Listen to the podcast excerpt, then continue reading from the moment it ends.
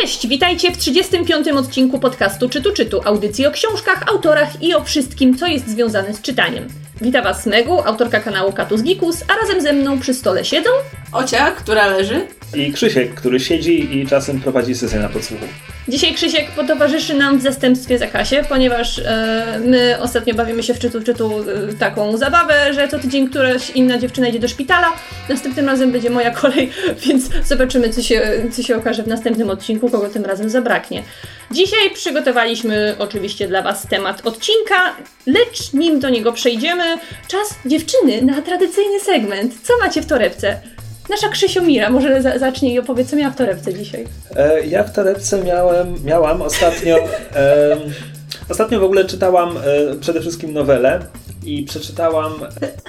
Dobrze ci idzie? Próbuj dalej. E, I przeczytałam nowelę Time Was Jana MacDonalda. Ian MacDonald jest autorem science fiction, e, brytyjskim autorem, który napisał takie rzeczy jak Rzeka Bogów, Dom Derwiszy, Lunę, która jest bardzo fajna i będzie trylogią najwyraźniej, trzecia część niedługo. I którego karierę zaczęłam ostatnio śledzić, tak trochę bardziej szczegółowo. Czy, ty, czy, czy możemy się tak nabijać? Czy ktoś nie uzna, że to jest obraźliwe? Nie wiem, chyba nie. Też Nie wiem. Krzysiek, czy ciebie to bawi? Tak. Okej, dobrze, to próbuj dalej. Dobrze, to czy czytałaś wcześniej jakieś powieści McDonalda? Bo wydaje mi się, że tak, że nawet ci jakąś pożyczałam. E, tak, pożyczałaś mi e, właśnie Dom Derwiszy i Luny, obie zresztą. A, a, tak. Ja, ja chyba dotąd nie kupiłem sobie żadnej książki McDonalda, bo jeszcze... Nie, kupiłem. A, kurczę. Tak dobrze mi szło. E, no dobrze, to koniec, koniec zabawy. E, to tak, do tego, do tego coś pożyczałem z, bil- z biblioteki jakiejś starej z paskudną łopatką Pruszyńskiej i spółka. Więc to jest autor, którego karierę już zacząłem śledzić w miarę, w miarę dokładnie. Jeszcze, że tak powiem, nie wszystkie archiwa przeczytałem, ale, ale kojarzę, lubię, doceniam i tak dalej.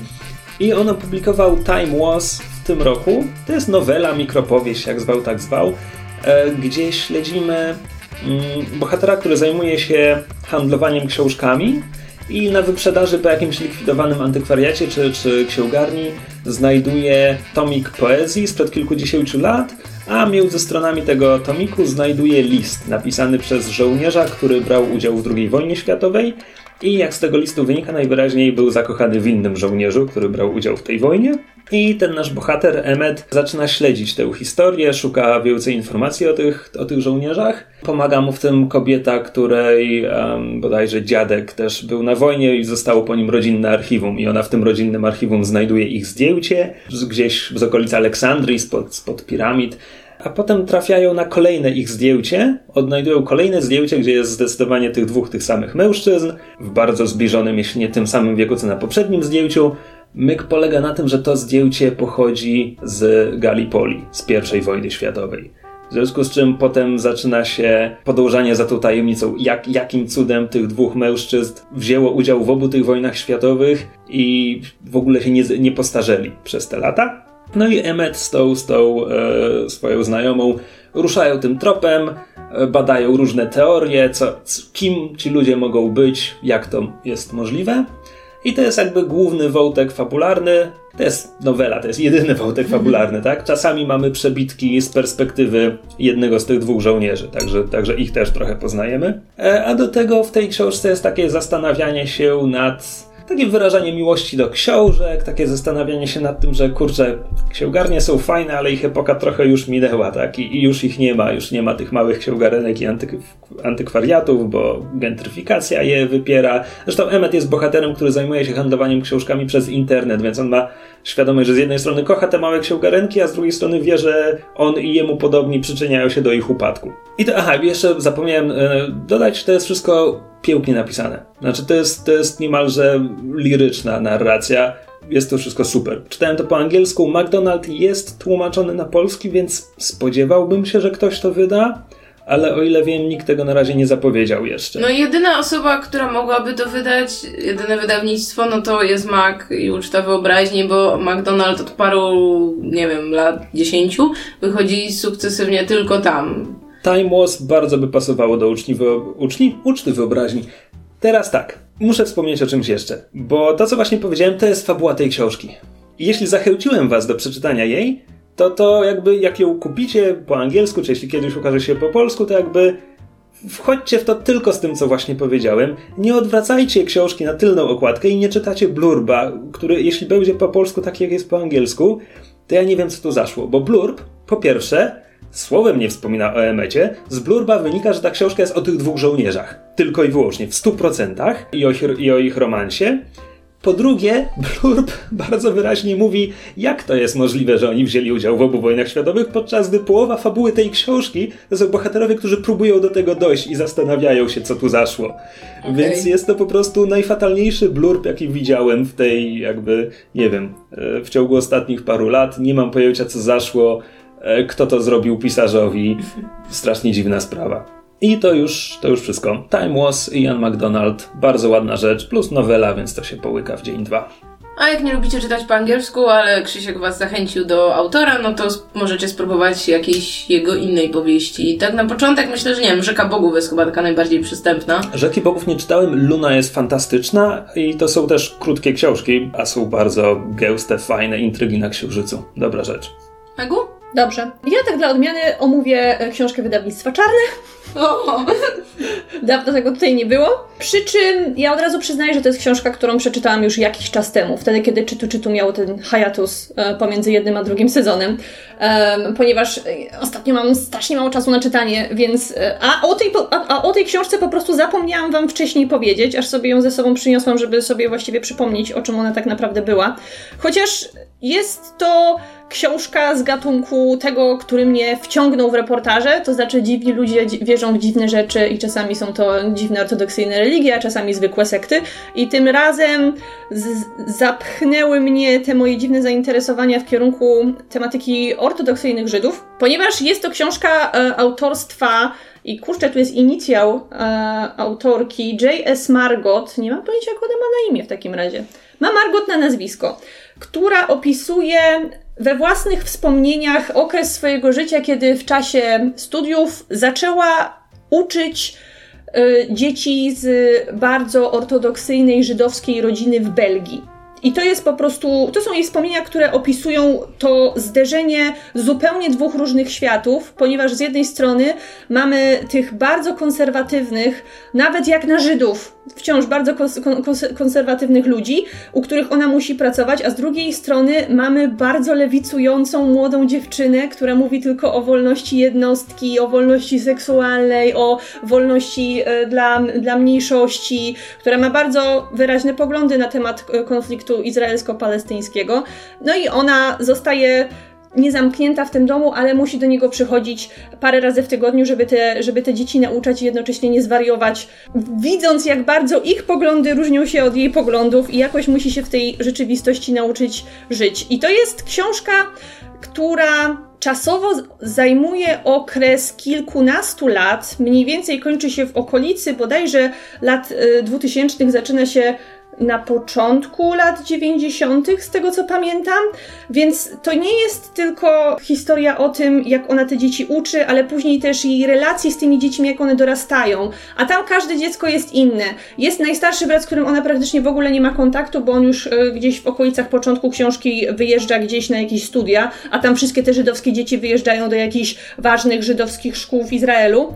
E, I jej relacja w najbardziej szczegółowy sposób jest opisana z jedną jedną z dziewczynek, z którą autentycznie zaczyna się przyjaźnić, chociaż ta dziewczynka jest o wiele, o wiele młodsza od niej, oraz z jednym z, z, z chłopców, który jest nastolatkiem na samym początku, jednocześnie jest strasznie zadziorny i uwielbia ją prowokować tekstami nawiązującymi do tego, że on jest wierzący, ona jest niewierząca, on ma konserwatywne poglądy, a wszyscy inni ludzie w Amsterdamie e, mają niekonserwatywne poglądy i że, i że jaki to jest zepsuty świat, a jaki żydowski świat jest lepszy i to są, i po prostu te ich dyskusje to, to jest takie przerzucanie się takimi głupimi tekstami, które w tym momencie można, można zobaczyć e, w internecie.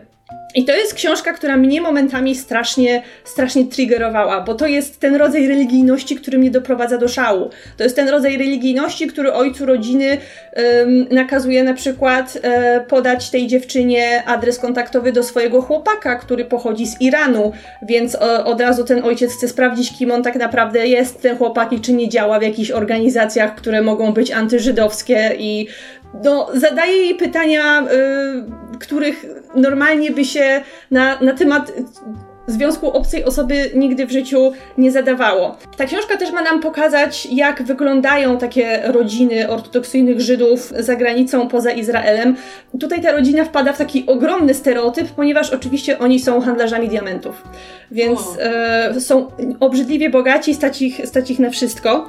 I dlatego też mogą sobie, mogą sobie pozwolić, żeby taką dodatkową nauczycielkę dla swoich dzieci mieć. No i chociaż y, miejscami rzeczywiście można się nie tyle przerazić, co na pewno każdy odnajdzie w tych sytuacjach, które spotykają autorkę, takie odbicie swoich sytuacji, kiedy styka się z ludźmi po prostu o tak diametralnie różnych poglądach, że wie, że nie byłby w stanie się z nimi e, dogadać. A z drugiej strony jednak autorka zależy jej na tym, żeby pokazać, że mimo tych wszystkich różnic, jakie dzieliły ją i tę rodzinę, udało się im rozwinąć jakąś taką bardzo głęboką przyjaźń, mimo, mimo dzielących ich różnic, do tego stopnia, że kiedy w jej życiu zaczęły się dziać przykre rzeczy i na przykład nie miała pieniędzy, to ten ojciec rodziny bez problemu jej te pieniądze godził się pożyczyć albo nawet dać, tak żeby nie musiała, nie musiała im oddawać. Także na nasze czasy to jest bardzo pokrzepiająca serce książka, bo chociaż oni się nigdy, to, to, to, ona się nie kończy w taki sposób, że którakolwiek ze stron przekonuje się w końcu do do, do światopoglądu tej drugiej. Nie, bo to w ogóle nie o to chodzi, tylko bardziej właśnie w tej książce historia polega na tym, że mimo tych wszystkich różnic wciąż jesteśmy w stanie się dogadać i wciąż w jakimś stopniu jesteśmy w stanie ze sobą koegzystować y, mimo y, naprawdę tak światopoglądowych przepaści, że głębszych tych przepaści w tym przypadku, takie, w, w takim przypadku, jak jest pokazane w tej książce, nie mogłoby być. Książka się nazywa Mazeltov. Podtytuł to Jak zostałam korepetytorką w domu ortodoksyjnych Żydów, y, żeby ludzie, którzy nie wiedzą, co znaczy Mazeltov, mm. mogli sobie nakreślić kontekst. O czym to jest? Tak. Książkę przełożyła na polski Małgorzata Diederden-Woźniak. I jest to, jest to powieść, y, co prawda ma 300 stron, ale y, naprawdę czyta się ją błyskawicznie. Zwłaszcza, że ja nie wiem, czy, y, czy słuchacze też tak mają, ale jak ja czytam takie sceny, w których wiem, że bohaterka się irytuje, że coś ją niesamowicie wkurzyło, albo że po prostu, do, że ta rodzina doprowadza ją do szewskiej pasji i ona jest o krok odrzucenia tej całej roboty, to ja tym bardziej chcę czytać, yy, yy, przy, przy, przekładać te kartki, czytać dalej i sprawdzić, jak to się w końcu skończyło. Także, yy, także naprawdę przeczytanie tego zajmuje bardzo, bardzo mało czasu. Ja osobiście, jak zwykle, wszystkie książki od Czarnego bardzo polecam. Bardzo fajnie można dowiedzieć się czegoś nowego na temat tego, jak wygląda życie ortodoksyjnych, e, ortodoksyjnych Żydów, ponieważ myślę, że mało osób z nas ma na ten temat w ogóle jakiekolwiek pojęcie. Także ode mnie e, po, polecajka, jak zwykle. No dobrze, to teraz ode mnie trochę mniej... Mniej entuzjazmu? Mniej entuzjazmu, Dobrze, tak. pojedźmy po kimś. U, po kim jedziemy? Otóż, y, jak osoby śledzące mnie gdzieś tam w internecie mogły już wiedzieć, przeczytałam najnowszą powieść Jakuba Małeckiego pod tytułem Nikt nie idzie. I jak słuchacze może pamiętają z poprzednich sezonów, ja się bardzo zachwycałam poprzednimi książkami autora. To, to znaczy tra, najpierw Rdzą, Rdza, właśnie. E, a później nowym wydaniem Józefa. I jak tylko ukazało się Nikt nie idzie, to tego samego dnia już stałam w księgarni, po prostu wyciągając ręce po, po tę powieść. I ojejku, rozczarowałam się, jest mi przykro. No, sad face, no. I nie wiem teraz na ile to jest wina autora, a na ile to jest moja wina, a na ile wszechświat tak chciał i jest to wina niczyja. Zacznijmy po kolei, o, o czym jest ta książka. To jest historia kilku osób, które mają dosyć zwyczajne, acz takie trochę niepoukładane i trochę zagubione życia.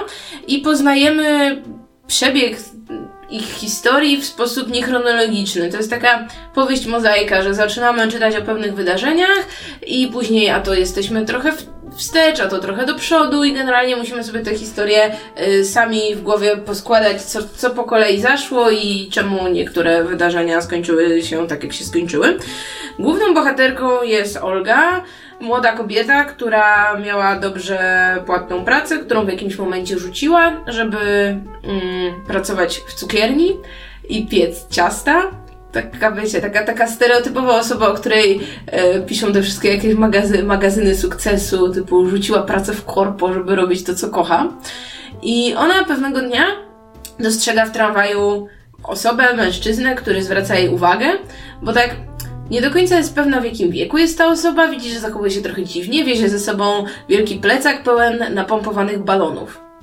I kiedy drugi raz spotyka na ulicy tegoż mężczyznę, to jest świadkiem, jak y, jego matka dostaje na ulicy y, wylewu, zawału, jednego z dwóch i umiera. Matka tego gościa z balonami? Tak, okay, tak, tak, tak. Yy, no Zacząłem się gubić. Tak, tak, tak. No i ona postanawia mu pomóc i zabiera go do siebie do domu. On w ogóle nie mówi i widać, że no jest osobą z jakąś niepełnosprawnością intelektualną, ale to nigdy nie jest do końca sprecyzowane, co mu jest tak naprawdę. On jakby, on, on rozumie, co ona do niego mówi, ale sam nigdy nie odpowiada, no i zachowuje się jak takie duże dziecko i dużo ma jakichś takich dziwnych, e, nagłych zachcianek, typu, że nagle musi wypuścić swoje balony, albo nagle musi gdzieś pójść, albo że nigdzie, albo że akurat nie chce gdzieś pójść. No i, no i ona go tak jakby trochę porywa, w sensie, no po prostu zabiera go z tej ulicy do siebie. No i później tak sama jest trochę zagubiona, nie do końca wie, co, co, co z tym fantem zrobić. I potem ona im w jakimś momencie ucieka. I to jest jeden wątek. Drugi wątek dotyczy przeszłości Olgi i tego, że była kiedyś w związku z mężczyzną imieniem Igor, którego znała od dzieciństwa. I z jakichś przyczyn, które poznajemy dużo, dużo później, ten ich związek się rozpadł. I w tym momencie oni oboje są w takim trochę zawieszeniu, to znaczy, no żadne z nich nie jest w żadnym nowym, poważnym związku, no i widać, że, że ze sobą tęsknią, no i że chyba tak naprawdę, no to chcieliby być razem, ale on nie do końca wie, czemu ten ich związek się rozpadł. I generalnie największym ich problemem jest to, że ze sobą nie rozmawiają i nie komunikują się jasno. I jest też taki powiedzmy mikrowątek tego, że wiele lat wcześniej starszy brat Igora y, zaginął. To znaczy poleciał do Japonii na zawody sportowe i nigdy nie wrócił. Nikt nie wie, co się z nim stało. To znaczy w pewnym momencie tam zniknął z oczu tej grupy osób, z którą był, no i nikt nie był w stanie go odszukać mimo, mimo wielu lat prób. No i teraz y, Igor ma taką trochę fiksację na punkcie jakiegoś japońskiego poety i czyta ciągle jego wiersze. I to jest jakby, to jest cała fabuła tej książki. Po prostu dowiadujemy się wraz z kolejnymi rozdziałami trochę więcej o tych wydarzeniach, dowiadujemy się, poznajemy bliskich tych naszych bohaterów, dowiadujemy się, jak powiedzmy, do dlaczego doszło do pewnych wydarzeń, ale nie powiedziałabym, że przez te niecałe 300 stron jakoś dobrze poznałam te postacie, bo one są oparte na jakichś takich jakby to nazwać, na jakichś takich dziwnych rzeczach, które lubią, jakby nie do końca są scharakteryzowani ci bohaterowie. No po prostu wiemy, że no na przykład Olga lubi piec ciasta i wiemy, że ma kota i wiemy, że jej ojciec jest pianistą, który nie gra. Ma pianino w domu, ale nie gra i mówi, że pianista nie gra. Okej. Okay. I, i, I to tyle. I no, a, a Igor zajmuje się inwestowaniem na giełdzie i lubi japońskiego poetę. I, ty, i tyle. I to jest cała charakterystyka. I, i, to, I to jest charakterystyka tych postaci. Czy to wszystko ma jakąś konkluzję, czy po prostu książka się kończy, ale książka się nie bardzo? kończy! To jest, to jest właśnie to jest jeden z tych elementów, które mi strasznie przeszkadzały. To znaczy, książka się kończy, tak powiedziałabym, że jeśli, no powiedzmy, książka zaczyna się od tego, że główna bohaterka spotyka, Porywa kogoś z ulicy. Tak, spotyka, on się nazywa Clemens, spotyka Clemensa. Credence? Co? Clemens.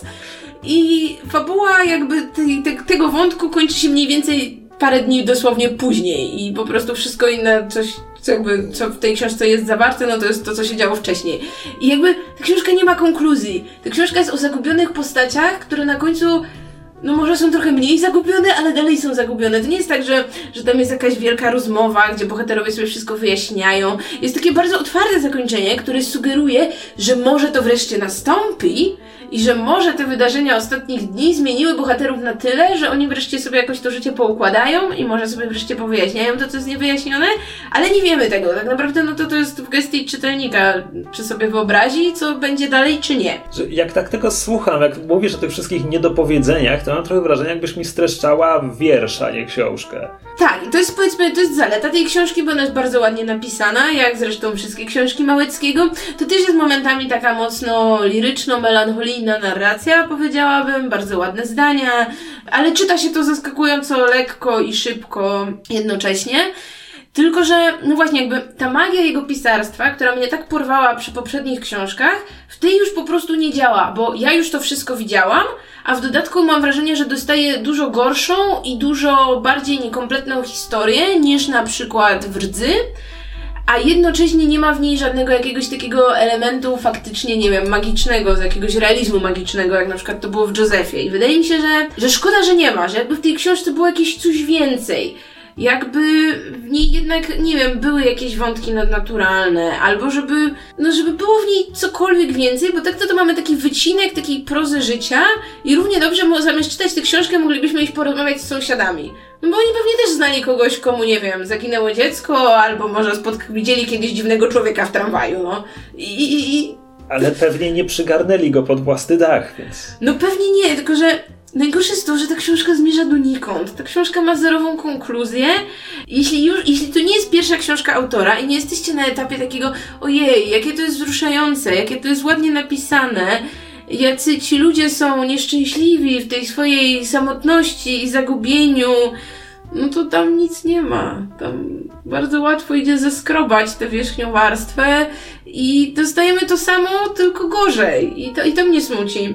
I to mnie doprowadziło do jakichś takich przemyśleń, że może nie powinno się czytać zbyt wielu książek pisarzy, którzy nam się spodobali, bo w jakimś momencie ci pisarze zaczynają się powtarzać i dla mnie to nie jest pierwszy raz. Tak samo miałam na przykład z Jonathanem Carolem, którego jak zaczęłam czytać pierwsze książki, to po prostu mnie totalnie zachwycały, a już czytanie jego ostatnich książek było, powiedziałabym, taką redundantną drogą przez mękę. To znaczy, to znów... Jakie piękne określenie stworzyłaś. Redundantna droga przez mękę. Jonathan Carol, powiedz mi parę tytułów jego Kraina powieści. Chichów, Kraina Kości Chichów. Księżyca. Okej. Ostatnio mm, kobieta, która wyszła za chmurę. Okej, y, bo jakąś książkę jego miałam kiedyś i nigdy jej nie przeczytałam. Krainy Chichów bardzo polecam wciąż. Uważam, że to jest jedna z lepszych książek, jakie w życiu czytałam, ale właśnie jak się zaczyna potem czytać hurtowo, to też. No ma się wrażenie, że autor ma jakiś taki swój bardzo rozpoznawalny styl, jakiś taki swój, swój taki świat, który umie w swoich książkach oddawać, ale no właśnie, przy której książce to już po prostu traci swój urok. I no przyznam szczerze, że trochę nie wiem, co teraz zrobić. Nie wiem, co zrobić z Małeckim, bo ja go bardzo lubię. I do tego y, jest bardzo, sprawia takie bardzo sympatyczne wrażenie jako powiedzmy ta osoba autora, no bo trudno powiedzieć, że jako człowiek, no bo go nie znam, ale na jakichś tam targach, czy gdzieś tam w internecie, no naprawdę złego słowa o nim nie powiem. I no i wciąż bardzo dobrze wspominam te jego poprzednie książki. Ale teraz nie wiem co dalej, czy będę czekać na jakąś kolejną i liczyć, że napisze coś nowego, czy może jakby już zostać przy tych dobrych wspomnieniach i nie czytać dalej. Nie wiem. Ja chyba nigdy.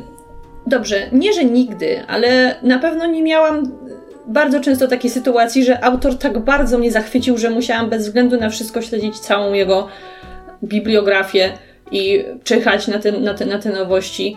I jedyną taką autorką jest J.K. Rowling, od której książki też zdarzyło mi się odbić, bo ja nie lubię... Musierowicz, Megu. Nie czytałam wszystkich książek Małgorzaty Musierowicz, ponieważ Małgorzata Musierowicz napisała kilka książek dla dzieci, które olałam A, sikiem okej. prostym i nigdy nie przeczytałam. Poza tym ona miała jeszcze dużo zbiorów felietonów, to się frywolitki nazywało i tego też nie czytałam, także nie liczy się. No tak, a Rowling chociaż poszła w wyraźnie inną stronę po pewnym czasie. No chociaż właśnie u niej też mam trochę już zmęczenie materiału, tak jak rozmawiałyśmy o tym ostatnim tomie Kormorana. Właśnie, po polsku wyszła Zabójcza Biel jakoś niedawno, więc macie okazję nadrobić naszego live'a, który rozpoczął Tak? To dopiero niedawno trzeci wyszło? sezon. Tak, dokładnie. To wyszło pod sam koniec listopada. Tak więc jeśli ktoś z Was czekał na polską wersję, żeby wrócić do naszego odcinka, to przypominamy, że on tam jest. I na was czeka, żebyście nadrobili. Tak. A teraz krótka przerwa na reklamę. Tymczasem ja bym się chciał dowiedzieć, co u Supermana. Superman lata sobie w kosmosie i rozwala jakąś asteroidę i myśli sobie, o Boże, mogę wreszcie zrobić coś relaksującego, rozwalić jakąś asteroidę. I rozbije ten jeden asteroid i orientuje się, że w środku jest jakiś super magiczny kryształ, który jest w stanie przywracać ludziom wspomnienia czy coś i mówi sobie, o kurwa, to się przyda mi. Ehm, tak, więc y, w podcaście Comics Weekly, najpopularniejszym w Polsce o tej tematyce, dostaniecie regularnie właśnie takie i też nieco bardziej merytoryczne relacje oraz informacje odnośnie tego, co aktualnie dzieje się w komiksach Marvela i DC. Co warto czytać na bieżąco, na co warto czekać, aż pojawi się w Polsce, a które komiksy To ja chciałem o drugim takim komiksie powiedzieć, mianowicie Doomsday Clock 8. O kur... Ja nie wiem, czemu ja to czytam. Ja też nie wiem, jakieś, nie wiem... syndrom sztokholmski. No właśnie. Na start posłuchaj może naszej dyskusji o Stanieli w odcinku trzecim ostatniego sezonu, albo sprawdź odcinek szósty, gdzie omawiamy propozycje z Marvela na rynek polski. Do usłyszenia. No hej wam. Hej wszystkim! Ja się nie żegnam, bo znowu coś spieprzę. Po reklamie. A skoro wszystkie dziewczyny już opowiedziały o tym, co miały w torebkach, nasza y, Krzyziomira też, to przejdziemy do tematu odcinka. A dzisiaj temat odcinka będzie taki lekki i przyjemny. Po prostu porozmawiamy sobie bardzo towarzysko nad herbatką o pewnego rodzaju zwyczajach związanych z czytaniem albo nieczytaniem i spróbujemy sobie na przykład odpowiedzieć na pytanie, po pierwsze, czy można nie kończyć książek, a po drugie, co to znaczy tsundoku i czym to się objawia i czy ktoś z nas na to cierpi. Spoiler tak, ale nie powiem wam kto. Myślę, że każdy z nas po trochu. To jak to jest z tym nie, nie- niedokończaniem książek? Dobra, ja mogę Czy to jest temat tabu w ogóle? Bo mam wrażenie, że w pewnym momencie to tak, tak jakby w niektórych środowiskach tak ciężko się o tym rozmawia. Bo jest taka tendencja do tego, żeby zawsze powtarzać ludziom, że nie mają prawa się wypowiadać na temat jakiegoś dzieła, w tym przypadku jakiejś książki, jeżeli jej nie obejrzą. Albo, że książki nie przeczytają, albo, ale z filmem jest tak samo. Jeżeli nie obejrzysz danego filmu do końca, to nie masz prawa się e, o nim wypo, e, wy, wypowiadać. I też często sami sobie narzucamy takie ograniczenie, że obejrzę to tylko po to, żeby móc powiedzieć coś brzydkiego w internecie, a tak naprawdę nigdy nie miałem ochoty tego kończyć. To może zacznijmy od takich wyjściowych deklaracji. Czy wy porzucacie książki, czy każdą musicie dobrnąć do końca, nawet jeśli strasznie cierpicie? Ja bardzo długo wzbraniałam się przed tym, żeby porzucać książki w połowie i męczyłam się niekiedy okropnie, ale w pewnym momencie stwierdziłam, że życie jest za krótkie na słabe książki i w tym momencie po prostu, jeżeli jakąś książkę zacznę, a ona mnie nie porwie, no to daję sobie spokój i przekładam się na inną. No to ja mam dokładnie tak samo. To już długie lata było to dla mnie niewyobrażalne, że no skoro już zaczęłam, no to przecież mogę skończyć. Przecież to tylko jedna książka. Najwyżej, nie wiem, mogę nie czytać kolejnych tomów, jeśli to jakaś seria. No ale że dokończyć trzeba, no bo jak to tak? Potem mam sobie zaznaczyć, że jest przeczytana, czy że jest nieprzeczytana. No jakby 1-0, no jakby nie ma opcji porzucona w połowie, tak? Nie ma lektury Schrödingera. jeśli, jeśli sobie odhaczacie książki na jakichś portalach, ale obecnie też doszłam do wniosku, że moje życie jest za krótkie, a cierpienie wcale nie uszlachetnia. I jeśli jestem już na etapie, że ta książka sobie ileś leży i nie mogę się zmusić, żeby do niej wrócić, tylko sięgam po jakieś kolejne książki, no to przychodzi ten moment, że z opcji teraz czytam, wybieram przeczytane, mimo że to jest książka niedokończona. I, Właśnie, tyle. ale ja mam z tym problem. Jak najwyżej to nie od- zaznaczać? No ja zaznaczam, że przeczytano. Że przeczytałaś. Że przeczytałam, najwyżej mogę jej nie ocenić, ale no zaznaczam, że przeczytana, no bo musiałabym coś z nią zrobić, a nie, nie wrócę jej do opcji chcę przeczytać, no bo wiem, że nie chcę jej przeczytać i nigdy tego nie zrobię. Ja ją po prostu, bo dotych, dotychczas e, po prostu wywalałam takie książki z profilu w ogóle. Mówimy tutaj o Goodreads, tak żeby była jasność. Tak, tak, tak. Czy obie, lubimy obie czytać? korzystamy, tak. Więc ja takie książki wywalałam. Ale teraz w sumie tak się zastanawiam, czy to na jakieś moje wewnętrzne statystyki nie wpłynęło źle, Znaczy- bo jednak ją zaczęłam, jednak podjęłam jakiś wysiłek. Można zaznaczyć, ile stron się przeczytało na Goodreads. Okej. Yy, Ale jakby mnie nawet nie chodzi o statystyki, co o to, że jeśli to jest książka, którą posiadam, no to jakby muszę ją mieć dodaną do tej biblioteczki, żeby móc mieć odhaczone, że ją posiadam. Więc w tym momencie, jak ją posiadam, to ona musi mieć jakiś status. Musi być, że albo ją teraz czytam, albo chcę ją przeczytać, albo że jest przeczytana. No więc w tym momencie, no to zakładam, że jest przeczytana, no bo co innego mogę z nią zrobić. Jakby nie mogę jej w ogóle wyrzucić, bo wtedy nie będę sobie mogła odhaczyć, że ją posiadam. A ty, Krzysiu? No właśnie ja tutaj siedzę i was słucham i wygląda na to, że ja jestem największym konserwatystą pod tym względem, bo zdarzyło mi się porzucać lekturę w trakcie, ale mam wrażenie, że ja wciąż mogę policzyć na palcach jednej ręki, ile razy to zrobiłem. Ale właśnie jak rozmawiamy, to nasze rozmowy o książkach bardzo często wyglądają w ten sposób, że ty mówisz, że coś czytasz i że ci się bardzo nie podoba. I ja się wtedy ciebie pytam, czy masz zamiar to przerwać, a ty mówisz, że nie i tak, no i tak się męczysz z tym do końca. Ja nie prowadzę statystyk na Goodreadsach, ale od ponad pięciu lat współprowadzę Myszmasza i zawsze mam takie, takie przeświadczenie, że jeśli czytam naprawdę złą książkę, to wtedy okej, będę mógł powiedzieć w podcaście, że jest naprawdę zła, tylko wtedy mam poczucie, że jednak powinienem ją doczytać do końca, bo a nuż tam jest genialny plot twist. Nie kojarzę książki, która miałaby genialny plot twist, który w ostatniej jednej trzeciej uratowałby pierwsze dwie trzecie, ale kto wie, może są takie książki. I na pewno scenariusz z Zbrodni Grindelwalda tak wygląda. E, więc, więc ja bardzo dobrze pamiętam pierwszą książkę, którą zacząłem i nie skończyłem. To była lektura szkolna. Uuu, która? E, wiesz co, ja w ogóle, ja, ja byłem bardzo, bardzo jakby byłem dobry z polskiego, czytałem wszystkie te lektury, byłem jakby No. Dobrze, Byłem szły te wszystkie klasówki z lektur i tak dalej. Mówimy tu o głębokiej podstawówce i jeszcze gimnazjum. E, w liceum byłem zagrożony ze wszystkich przedmiotów maturalnych, także hej. E, w każdym razie... Wow. A to dziwne liceum było. W każdym razie e, stara baśń. Stara baśń. Mieliście to w lekturze? Ktokolwiek, to, Ja ktokolwiek to napisał, bo w tym momencie nie pamiętam już, który to był. Nasza polonistka, jakby ja z nią rozmawiałem o tym, jak bardzo mi się ta książka nie podoba i co to właściwie jest. I ona mi dosłownie powiedziała, że ona wie, że ten autor jest grafomanem, ale jest lektura. Więc... Tak, on napisał mnóstwo, on napisał, nie wiem, nam z 500 książek. To seryjna produkcja. Więc to była pierwsza książka, której nie przeczytałem, w sensie przerwałem w trakcie. Drugą taką książką było coś pod tytułem Gwiazda Północy i ja nawet nie pamiętam, co to było, bo chyba miało... Ale też mówisz o, lekturze, o lekturze? To nie, to nie była lektura. Byłem kiedyś znudzony na jakichś wakacjach i tam znajomi rodziców mieli małą biblioteczkę i tam było coś.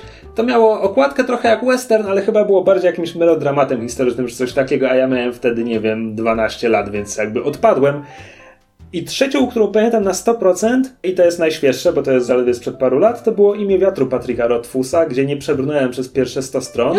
O, mi się ta książka tak strasznie nie podobała, ale ja czytam w gimnazjum, więc to może Naprawdę? o czymś Aha. świadczyć. No nie wiem, ja próbowałem rozmawiać o tym z myszą, bo jej też się ta książka strasznie podobała i jakoś nie, nie doszliśmy do porozumienia. Ale zapytaj mnie, o czym była, to ci nie odpowiem. Nie wiem, przez pierwsze 80 stron bohater siedzi w karczmie i czekałem, aż coś się stanie, ale się nie doczekałem. To jest o młodym wybrańcu, który ma imię z rodzaju kwacz albo coś E, takiego? możliwe, tylko że on na początku nie jest młody, bo tam jest chyba jakaś klamra narracyjna. On na początku chyba jest starszy i ma karczmę i w tej karczmie ma koto człowieka, ale nie Ja myślisz, że to brzmi książkę, ciekawie, ale to nie było nie ciekawe. podjęłam się jeszcze. W każdym razie, więc... więc To coś, tam coś było z biblioteką?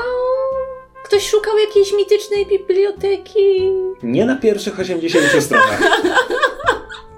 W każdym razie, więc to są dosłownie trzy książki, które przerwałem w trakcie i nie wydaje mi się, żeby było ich więcej. Okej, to powiedz mi, co ci daje to, że skończysz złą książkę, poza tym, że możesz o niej opowiedzieć w Beszmaszu? A To jest dla jedyna mnie to nie jest potrzebne. To znaczy, jeżeli, jeżeli książka zmusi cię do tego niejako, żebyś w pewnym momencie ją przerwał, to już samo w sobie świadczy o tym, że jest po prostu tak kiepska, że sama sobie jest winna temu, że będziesz zmuszony zrecenzować jej kiepskość bez, bez, bez jej kończenia. Znaczy, wiesz co, dla mnie... Ja wyznaję zasadę, że nie ma złych pomysłów, jest tylko złe wykonanie. O Boże. Więc e, ja jestem. Ja, ja jestem bardzo ciekaw złych rzeczy, bo zastanawiam się, czy mogły być lepsze. I, I gdzie leży problem? Czy problem leży na poziomie koncepcyjnym, czy realizacyjnym? Są takie książki, podobnie jak filmy, które są tak złe, że naprawdę mam z nich jakąś dziwną frajdę. To ostatnio było, co to było? To był Zero Marka Ellsberga. To był spektakularny szajs. E, To był po prostu, to był thriller o internecie napisany przez człowieka, który chyba nie ma o tym pojęcia. Który nigdy internetu. E, Znaczy, to jest książka w ogóle, tam jedną z bohaterek jest dziennikarka, która pracuje w redakcji w XXI wieku i na pierwszych stronach dowiadujesz się, że ona nie ma laptopa, ona wszystko robi ręcznie i maszynowo. I to jest sobie, kto, kto w XXI wieku pracujący w redakcji dużej gazety mógłby tak pracować?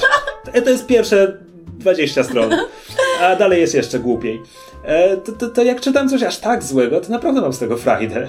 Znaczy, Okej, ja jeszcze, bo, znaczy, no bo to już mówimy o takim poziomie y, złolstwa książki, ach, jak to nie już wiem... był drum literatury. No to, to, to, to, są, to jest poziom Greya, z którego można się no tak, raz, raz na rok fajnie czyta. przeczytać taki wyżyk i sobie wyczyścić mózg w ten sposób. No, no, no przepraszam bardzo, ale r- dla mnie Ready Player One właśnie było taką książką, którą się czyta tylko po to, żeby móc kultywować swoje pokłady hejtu. No ja kiedyś tak czytałam powieści y, z uniwersum gier komputerowych albo książki z. Realms. Tak, tak, tak, to właśnie. To były takie powieści, które się czytało raz, dwa, były strasznie głupie, ale tak głupie, że aż śmieszne. Wrota Baldura to było spektakularne zło. Ale wrót Baldura nie przerwałabym w połowie, nie. Właśnie ja w połowie przerwałabym książkę, która jest tak naprawdę, nie jest najgorszą książką, jaką w życiu czytam. Ale jest tak tylko- nijaka. Tak, jest taka, jest taka przeciętna do bólu, że po prostu prędzej zasnę trzy razy, niż po prostu przebrnę do kolejnego rozdziału. Książka, w której nic się właśnie nie dzieje, albo która jest właśnie jakoś napisana totalnie bez polotu. Książka, w której nic mnie nie zaciekawiło, w której bohaterowie mnie kompletnie nie obchodzą, w która jest w jakimś, nie wiem, nudnym świecie i która zazwyczaj, no, jest jednak dosyć gruba. No bo jak książka jest dosyć cienka, no to jak już jest nawet bardzo zła, no to dobra, doczytam te 100 czy 200 stron, ale jak książka ma, nie wiem, właśnie 500 czy, czy 800, no to to po co, jak mogę w tym czasie przeczytać dobrą książkę, a i tak czytam dosyć mało, więc... Znaczy ten argument objętości rozumiem. Gdyby ten nieszczęsny Patrick Rothfuss miał 300 stron, a nie ilekolwiek miał, to, to może nawet bym wtedy... Znaczy czekaj, to właściwie chciałem powiedzieć, że wtedy pewnie nie odpuściłbym na 80, tylko już bym dobrnął do końca, e, gdyby tego było mniej, ale jak miałem w perspektywie jeszcze 400-500, to A stwierdziłem, potem że nie zdzierżę. dalej. Wiesz co, znaczy to, to jest osobną kwestią jest to, jak bardzo nie lubię serii, jak, jak sięgam po książkę, która fajnie wygląda w księgarni i pierwsze co tam widzę to jest pierwszy cykl epickiego cyklu o czymś tam, czymś tam, to nikt nic mnie tak nie zachęca do książki, jak wiadomo, że jest pierwszą częścią cyklu.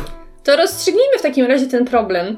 Skoro my z Ocią jesteśmy z tego teamu, który uważa, że niekończenie książek jest jak najbardziej okej, a Krzyś... Yy, Nie, nie, Czy, okej, ja ja- nie mam rozumiem, problemu z że niekończeniem książek. to jest Znaczy, twoje- ja mam problem, że nie jestem w podejście. stanie tego robić. Nie mam problemu z ludźmi, którzy są w stanie to robić. Rozumiem, ale czy w takim razie uważacie, że żeby dokonać rzetelnej analizy, takiej legitnej, która zasługuje na miano recenzji w internecie, można nie przeczytać tej książki do końca? I czy to wtedy będzie taka recenzja, której można zaufać? Można, tylko trzeba to zaznaczyć, żeby być uczciwym wobec swoich odbiorców. Że jakby odpadłaś w połowie, więc to jest recenzja pół książki. Jak dla mnie absolutnie można to zrobić. I wymienić powody, dlaczego odpadłaś, dlaczego twoim zdaniem nie warto tego kontynuować, albo w ogóle nie warto po to sięgać. Jak najbardziej można. Tylko nie możesz mówić, że to jest recenzja całej książki. Ja się zgadzam z tym, że można wyrazić opinię po połowie, tak jak Krzysiek mówi, zaznaczając tam ile się przeczytało, ale powiedziałabym, że nie można takiej prawowitej recenzji czy jakiejś analizy krytycznej przeprowadzić mimo wszystko i ja bym się nie podjęła mówić o książce, której nie skończyłam, bo jakoś nie wiem, czułabym się z tym źle i jakby spoko mogę porzucić książkę, no ale po prostu jedyne co, no to właśnie napisać, nie wiem, gdzieś tam krótko, czy powiedzieć, że na zasadzie, ej słuchajcie, nie skończyłam tej książki, bo jest zła, czy tam nie podobało mi się to, czy tamto, ale właśnie w życiu nie nazwałabym tego recenzją, bo uważam, że do tego jednak już trzeba mieć jednak ten ogląd całości i, i jakiś taki ten, ten kontekst całości. Okej. Znaczy, moja opinia na ten temat będzie y, kondensować wszystko to, o czym właśnie powiedzieliście, więc myślę, że pod tym względem się będziemy na pewno zgadzać. Ja na pewno nie miałabym problemu z tym, żeby publicznie wypowiedzieć się negatywnie o jakiejś książce, która tak mnie psychicznie wykończyła, że nie byłam w stanie jej kontynuować. A, a wbrew pozorom często mi się to zdarza, bo mi nie jest, nie potrzeba wiele, żeby zniechęcić się do jakiejś lektury. I ja dosyć często, za, czy na pewno wcześniej niż wy, zaczynam książkę i jej nie kończę. I głównie dlatego, że po prostu niczym mnie nie chwyci. Tak, niczym się we mnie nie zaczepi na tyle, żebym chciała ją dalej e, kontynuować. A ile sobie dajesz, że tak powiem, stron, czy... To nie chodzi o strony, żeby się wciągnąć. to bardziej chodzi o czas. Jeżeli ja po prostu fizycznie czuję, że kurczę, mija drugi tydzień, a ja ciągle męczę tę samą książkę i nie jestem w stanie jej, prze, nie jestem w stanie jej skończyć, on, nie jestem w stanie się w, no, w nią wciągnąć, to coś zaczyna.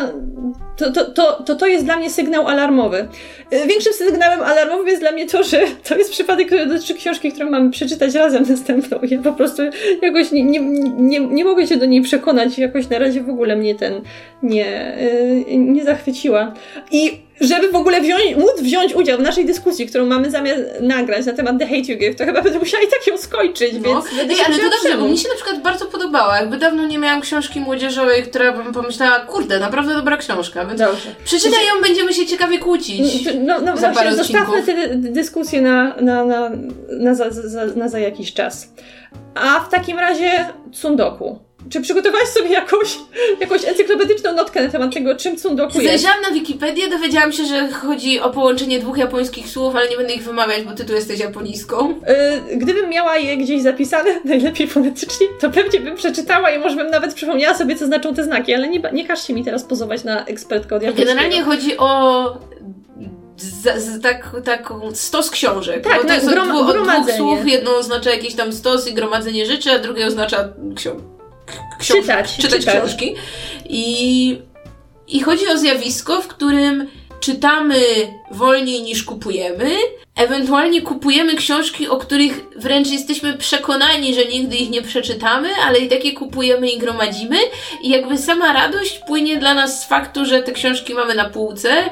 I no powiedziałabym, że to jest taki trochę książkoholizm, taki książkozakupoholizm, kiedy po prostu, no jak nie wiem, przychodzimy koło księgarni, to nie możemy się powstrzymać, żeby nie wejść i czegoś nie kupić, albo nie wiem, regularnie kurierzy pukają do nas z kolejnymi zamówionymi tomami i wydaje mi się, że, że ja to mam w bardzo dużym stopniu, w mniejszym niż kiedyś, bo kiedyś faktycznie byłam osobą, której, nie wiem, tydzień w tydzień przychodziły jakieś pudła albo paczki kolejne z zamówionymi książkami. Teraz jest dużo lepiej. To znaczy przychodzą tylko dwa pudła na miesiąc, czy? Tak, tak, mniej więcej tak.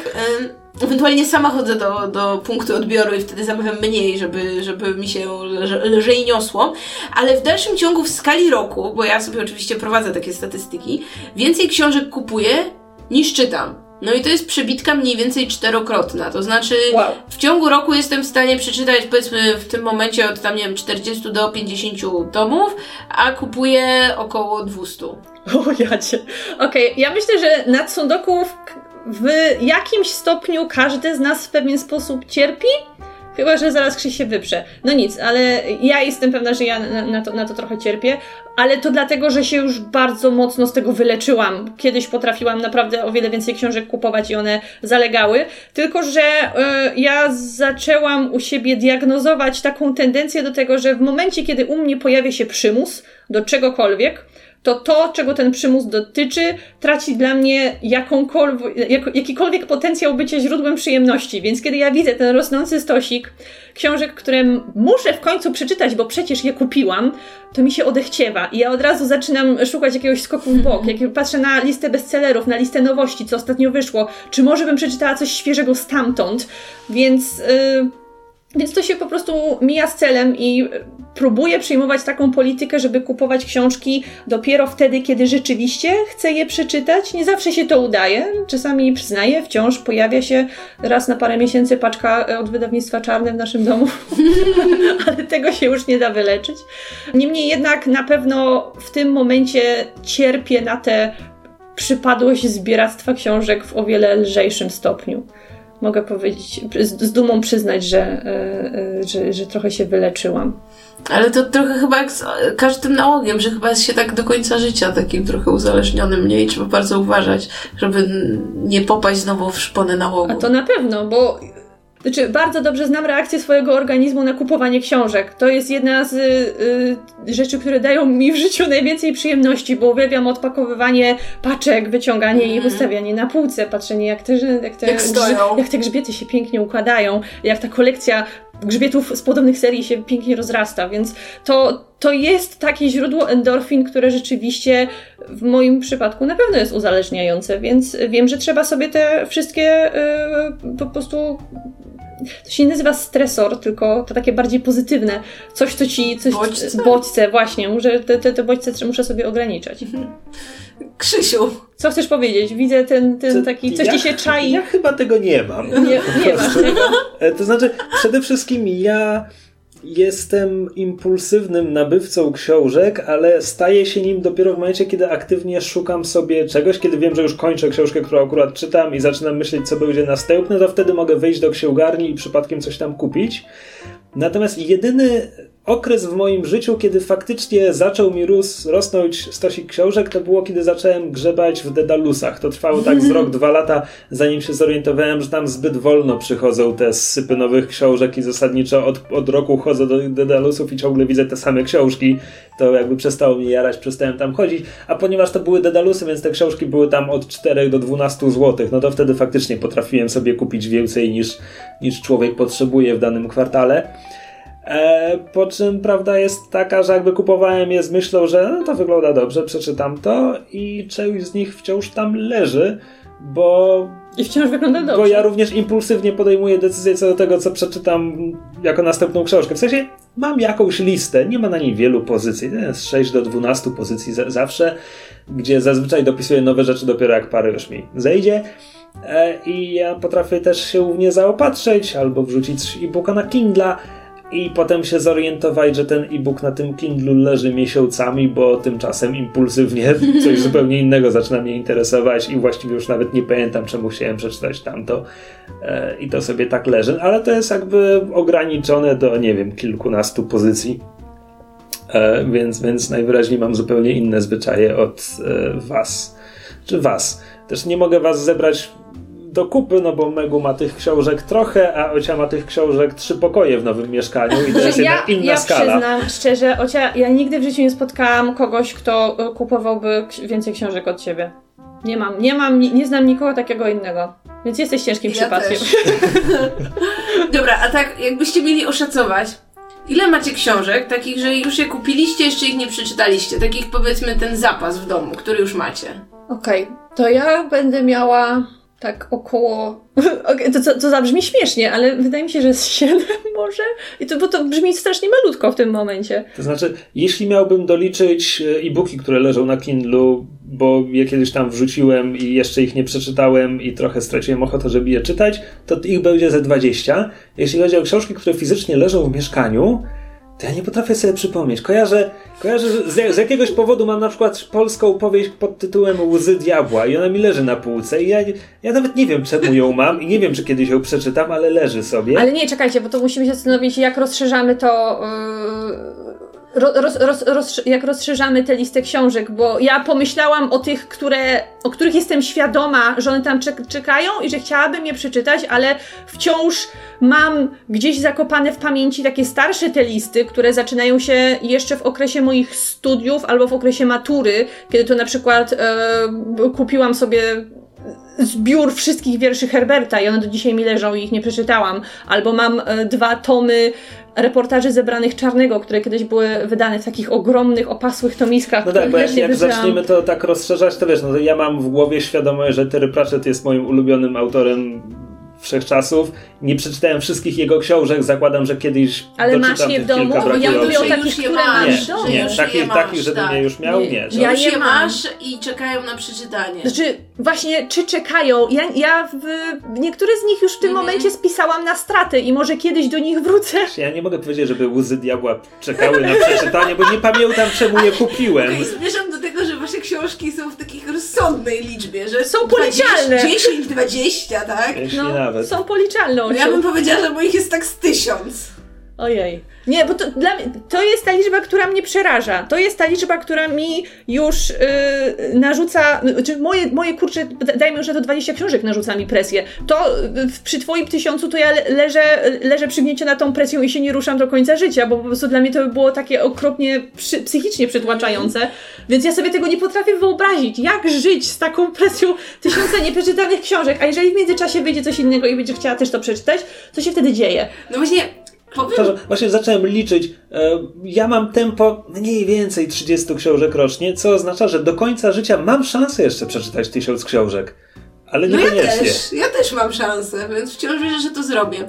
To znaczy, powiem wam tak, że... Ale do końca ja... życia dokupisz jeszcze parę tysięcy.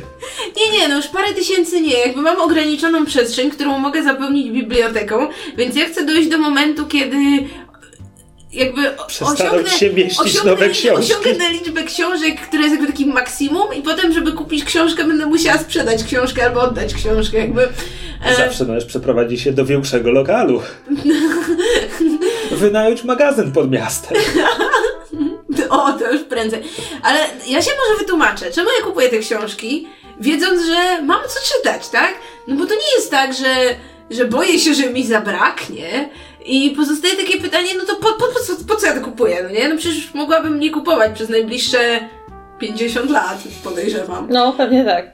Otóż ja winię za to wydawnictwa i politykę wydawniczą. Za dużo wydają. Nie, Po co tyle książek na rynku? Nie, nie, nie. Problemem jest to, że byłam już w sytuacjach, kiedy jeśli nie kupiłam jakiejś książki niedługo po tym, jak ona wyszła, to potem się okazało, że nie jestem w stanie tej książki kupić w ogóle. Albo nie jestem jej w stanie kupić w określonym wydaniu. A, nie zrzucaj na innych odpowiedzialności za swoje nałogi. Nie no, słuchajcie, to było... Pa pamiętam, jak zaczęłam kompletować serię Uczta Wyobraźni. I to był rok, chcę powiedzieć, 2010. Seria wychodziła chyba od tam jakieś 3 lata w tym momencie, coś w tym stylu. W każdym razie w momencie, kiedy ja się zorientowałam, że taka seria istnieje i że są tam książki, które mnie interesują, to ze trzy tomy były już białymi krukami. I potem jak spędziłam pół roku szukając Welinu, za który zapłaciłam 70 zł, i potem jak spędziłam półtora roku szukając ślepowidzenia, które ostatecznie kupiłam używane i które potem kupiłam w kolejnych dwóch wydaniach, a ostatnio kupiłam jeszcze raz w tym pierwszym wydaniu, bo wydali je na 25-lecie wydawnictwa w ograniczonym nakładzie i stwierdziłam, że wymienię ten używany egzemplarz na taki ładny nowy. To Nie, to jest totalnie zdrowe. Tak, wszystko z tobą w porządku. to stwierdziłam, że ja nie mogę czekać z kupnem książek, bo potem się okaże, że ta książka jest wyprzedana, że już jej nigdzie nie ma, że muszę zapłacić za nią milion monet, albo że w ogóle nie jestem w stanie jej kupić. A potem, jeśli się okaże, że to jest książka, która, nie wiem, ledwo tam sprzedały się 2000 egzemplarzy, to nikt nie chce zrobić wznowienia, nikt nigdy już tej książki u nas nie wyda. Albo że ktoś ją wyda 5 lat później w wydaniu, które zupełnie nie pasuje do poprzednich tomów albo innych książek tego autora, który już mam na półce, Krzysiu nie śmie się ze mnie. O nie, to by była tragedia. Więc ja w tym momencie mam taką zasadę, że jeśli widzę książkę w wydaniu, które bardzo chcę mieć, to ja tę książkę muszę kupić od razu. I takich książek jest na szczęście coraz mniej. To znaczy, tak jak kiedyś właśnie rocznie kupowałam, nie wiem, 400 książek nowych, no to teraz jest już powiedzmy poniżej 200. Tak, no to to są tytuły, które uważam, że takie must have'y, że że, że ta książka w tym wydaniu musi się znaleźć na mojej półce. Ewentualnie to są rzeczy, które po prostu bardzo chcę przeczytać zaraz po tym, jak wyjdą. No ale takich książek w roku jest może, nie wiem, 10. Że faktycznie jest premiera i ja tę książkę zaraz potem czytam.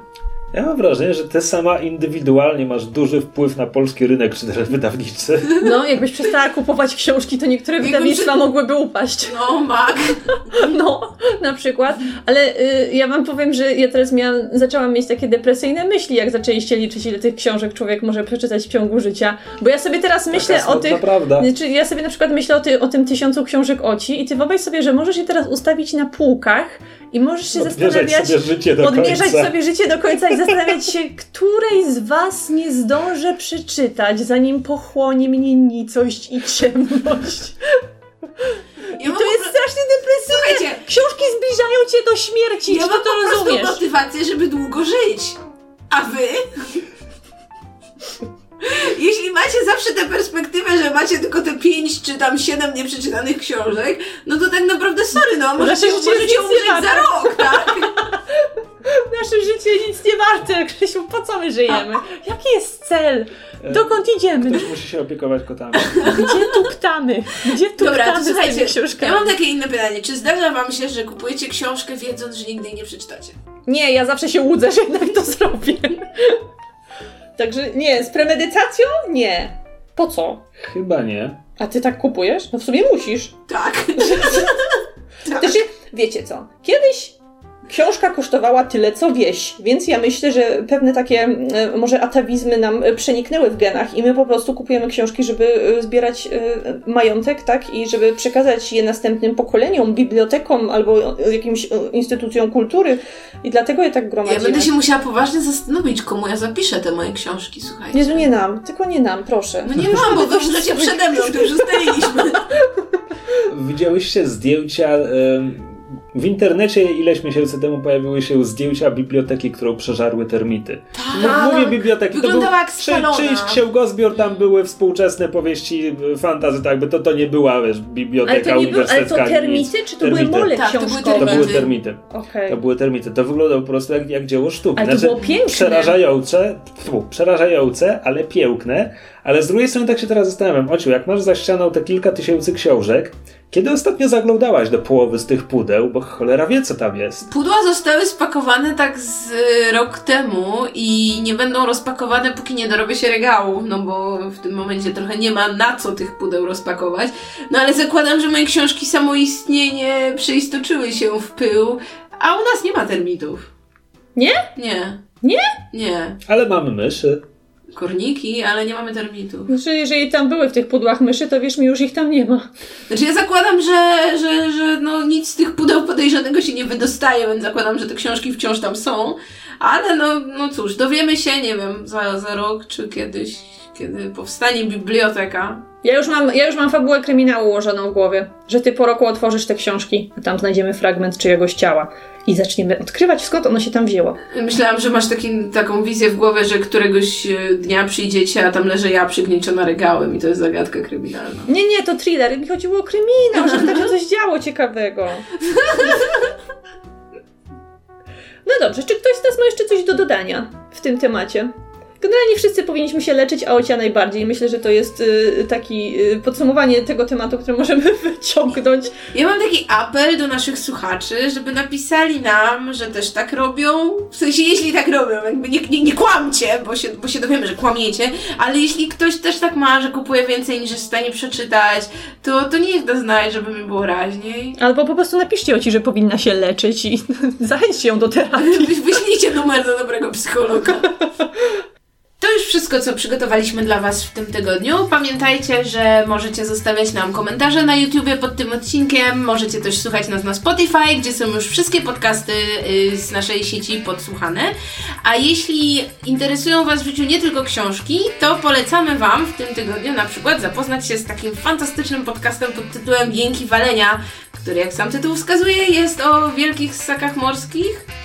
Albo nie, albo o giereczkach, co ci ludzie tam robią. Jest śmiesznie, rzucają się awokado na wizji i generalnie polecają rzeczy popkulturowe, dobre i mniej dobre, filmy, seriale, gry, dużo gier. Tak więc książek nie czytają, więc nie robią nam konkurencji, dlatego możemy ich polecać. Więc wpadajcie do jęków. Wpadajcie też na naszą stronę podsłuchane.pl, bo jest zupełnie nowa i stoi na serwerach naszych kolegów z Angry Bytes, więc jeśli potrzebujecie jakiegoś serwera, to możecie skorzystać z ich wspaniałej oferty. I najważniejsze ogłoszenie, werble 17 grudnia o godzinie 17 zapraszamy Was na spotkanie z nami na żywo. Będziemy transmitować na YouTubie nasz wigilijny stream charytatywny prosto z siedziby naszego partnera Pracuj.pl, na którym będziemy zbierać pieniądze na chore walenie. Możecie już teraz zapisać się na wydarzenie, wchodząc na podsłuchane.pl wigilia 2018 i możecie też już teraz zostawiać datki dla naszych morskich przyjaciół, wchodząc pod adres podsłuchane.pl hajs. Bądźcie z nami tego dnia, oglądajcie nasze ryjki na żywo i trzymajcie się ciepło. Do usłyszenia! Hajs pisze się przez samo H, jakby co. Cześć!